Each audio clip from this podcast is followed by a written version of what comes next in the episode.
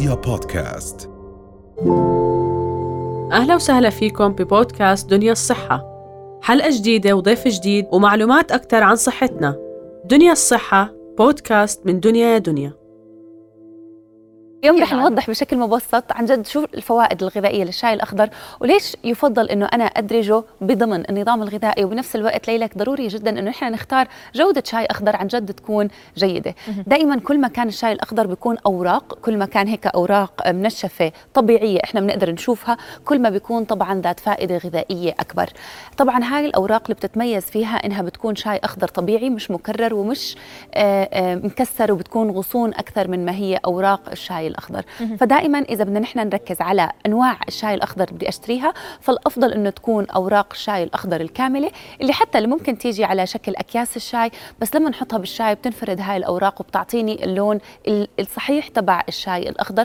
مش اللون اللي بيكون كتير غامق ولا بيكون كتير فاتح هو لازم يكون أصفر معتدل. هذا الشاي الأخضر الطبيعي. نعم. هلأ من ناحية الفوائد الغذائية فعن جد في له فوائد غذائية عديدة ولكن أهم نقطة نذكرها هي فكرة خسارة الوزن وحرق السعرات الحرارية.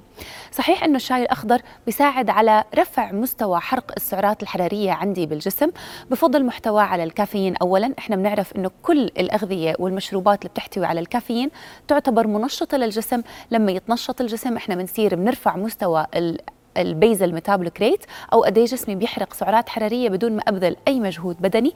فبالتالي الشاي الأخضر بيساعد على رفع مستوى حرق السعرات الحرارية. اولا بفضل احتوائه على الكافيين. ثانيا بفضل احتوائه على الكاتيكنز اللي هن أنواع من مضادات الاكسده الفعالة جدا وبالأخص نوع يسمى ال EGCG هدول ال EGCGs بيساعدوا بشكل كثير كبير إنه نحن نتخلص من الجذور الحرة اللي بتعيق حرق السعرات الحرارية والدهون بالجسم.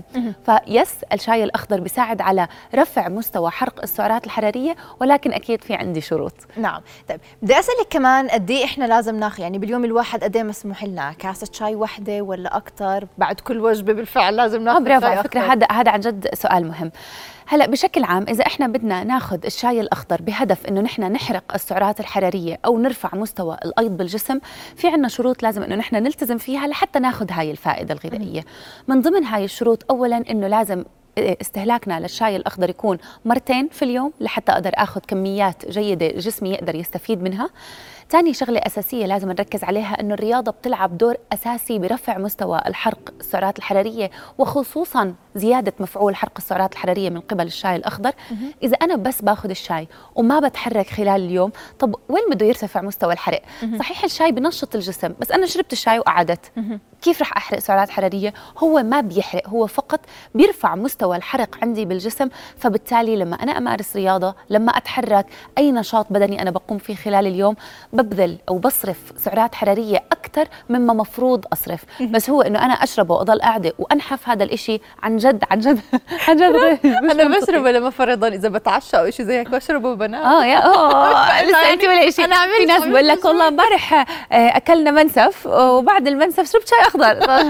كمان شو بده يعني الشاي الأخضر؟ بيساعدنا على الحرق بس إحنا لازم نتحرك عشان نحرق. بالضبط هاي هي الفكرة. هو بيرفع مستوى الحرق بس أنا إذا ما تحركت لا رح يكون في حرق عادي أو مرتفع آه. فلازم إن إحنا نتحرك لحتى هو يرفع مستوى حرق السعرات الحرارية تمام. والشرط الثالث اللي لازم ألتزم فيه لحتى أخذ الفوائد الغذائية من الشاي الأخضر إنه ما أخليه لفترة أطول من اللازم. يعني نلتزم بالوقت اللي هو بيكون مذكور عليه من ثلاث إلى خمس دقائق من خمسة إلى عشر دقائق كحد أقصى لأنه لما يصير مركز كتير عن جد ممكن يكون له أضرار غذائية أكثر من فوائده. فخلينا ننتبه لهي الشغلة. تمام. بالنسبة لسؤال متى لازم أشرب الشاي؟ وهل هو عن جد فكرة جيدة أنه أنا بعد كل وجبة آخذ كوب من الشاي؟ الشاي بيحتوي على مادة نحن بنسميها التاتينينز هدول ال tannins هن عبارة عن مواد طبيعية بتكون موجودة بالشاي وهو اللي بيعطيه ال astringent taste اللي نحن بنحس إنه فيه شوية هيك لدعة مرار بنهاية الشاي. هذا باحتوائه على ال tannins ال tannins هي عبارة عن مواد بتعيق امتصاص بعض من أنواع المعادن اللي إحنا بنتناولها بالأغذية وبالأخص الحديد اللي بيجي من مصادر نباتية. عشان هيك إذا نحن بدنا نستفيد من الشاي الأخضر يفضل إنه نحن ناخده ما بين الوجبات مع السناكس ومش بعد الوجبة الرئيسية هو ما بيساعد على الهضم بالعكس ممكن يعيق امتصاص الفيتامينات أو المعادن بالأخص وبالأخص الحديد اللي يعتبر أصعب معدن للجسم إنه يمتصه وكمان العديد من الأشخاص بتعاني من نقص الحديد نعم. لأنه بيحتوي على التاتننز بتعيق امتصاص الحديد وهي التاتننز زي بتمسك الحديد وبتخرجه إلى خارج الجسم. فإحنا بدنا ننتبه إنه نحن ما ما نتناول الشاي ما بعد الوجبات أو مع الوجبات على الأقل نخلي ساعتين إلى ثلاث ساعات ما بين الوجبة كوب الشاي الأخضر لحتى أتأكد إنه ما عندي إعاقة لامتصاص المعادن. نعم. يمكن هاي المعلومة إحنا بنعرفها بنربطها دائما بالشاي الأحمر مش بالشاي صح. بس التنين بيحتوي على التاتننز أه. صحيح إنه الشاي الأخضر بنسب أقل ولكن هذا ما بيعني إنه هو ما بيحتوي على التاتننز موجود فيه. طيب رند خلال حديثك آه، حكيتي إنه بناخذ كاستين شاي ما بنزيد على أساس إنه إحنا نستفيد منهم. طب إذا إحنا صح. زيادة إيش اللي بصير في عنا؟ okay. كل شيء لازم يكون له حد آه، آه، ليلك لحتى إحنا ناخذ الفائدة الغذائية ونبعد عن الأضرار. بشكل عام الفوائد الغذائية اللي بيعطيها الشاي الأخضر عديدة عديدة عديدة وهو يعتبر من أفضل أنواع المشروبات اللي ممكن الشخص يتناولها. من ناحية اولا احتوائه على مضادات الأكسدة اللي بتخلصني من الجذور الحرة. من ناحية احتوائه على أكثر مضادات أكسدة فعالة ال catechins اللي هي ال EGCG بالأخص اللي بيعطيه الشاي الأخضر. ثالثا الشاي الأخضر بحفز عمل الدماغ وبحفز الخلايا على. إنها تكون نشطة أكثر بفضل احتوائه على الكافيين رابعا بساعد على حرق السعرات الحرارية ومعظم الأدوية اللي بتكون بتساعد على سد الشهية أو حرق السعرات الحرارية بتكون محتوى تحتوي على خلاصة الشاي الأخضر. وخامسا هو بحسن من عمل خلايا الدماغ بيحمي من العديد من السرطانات. ولكن هذا إذا أنا باخده بحد معين. إذا أخذت كميات أكبر من الشاي الأخضر فأنا عم باخذ كميات أكبر من آه، اولا الكافيين اللي ممكن يضر بطريقة سلبية على الجسم والعديد من الأشخاص بيتأثروا بشكل كثير كبير من الكافيين إما بزيادة طرقات القلب صعوبة في النوم والأرق خلال ساعات المساء واللي بيروح بعيق كل فوائده الغذائية. يعني بدل ما أنا اخذه وأسترخي لحتى أنام وأتخلص من الجذور الحرة ويرجع جسمي يتجدد لا بصير أنا عندي أرق وبصير عندي صعوبة في النوم. زيادة استهلاك الشاي الأخضر ممكن تعمل آه، زي نوع من أنواع الإمساك وبالأخص عند السيدات أكثر من الرجال. فبدي أنتبه لهي النقطة إنه كثير كان عندي أشخاص آه، بيحاولوا إنهم ينزلوا بالوزن. فبتقول لك أنا كنت أعمل آه، يعني كمية كبيرة من الشاي الأخضر وأضلني أشرب منه خلال اليوم كامل. للأسف بعد بفتره صار صارت هاي المراجعة بتعاني من إمساك شديد.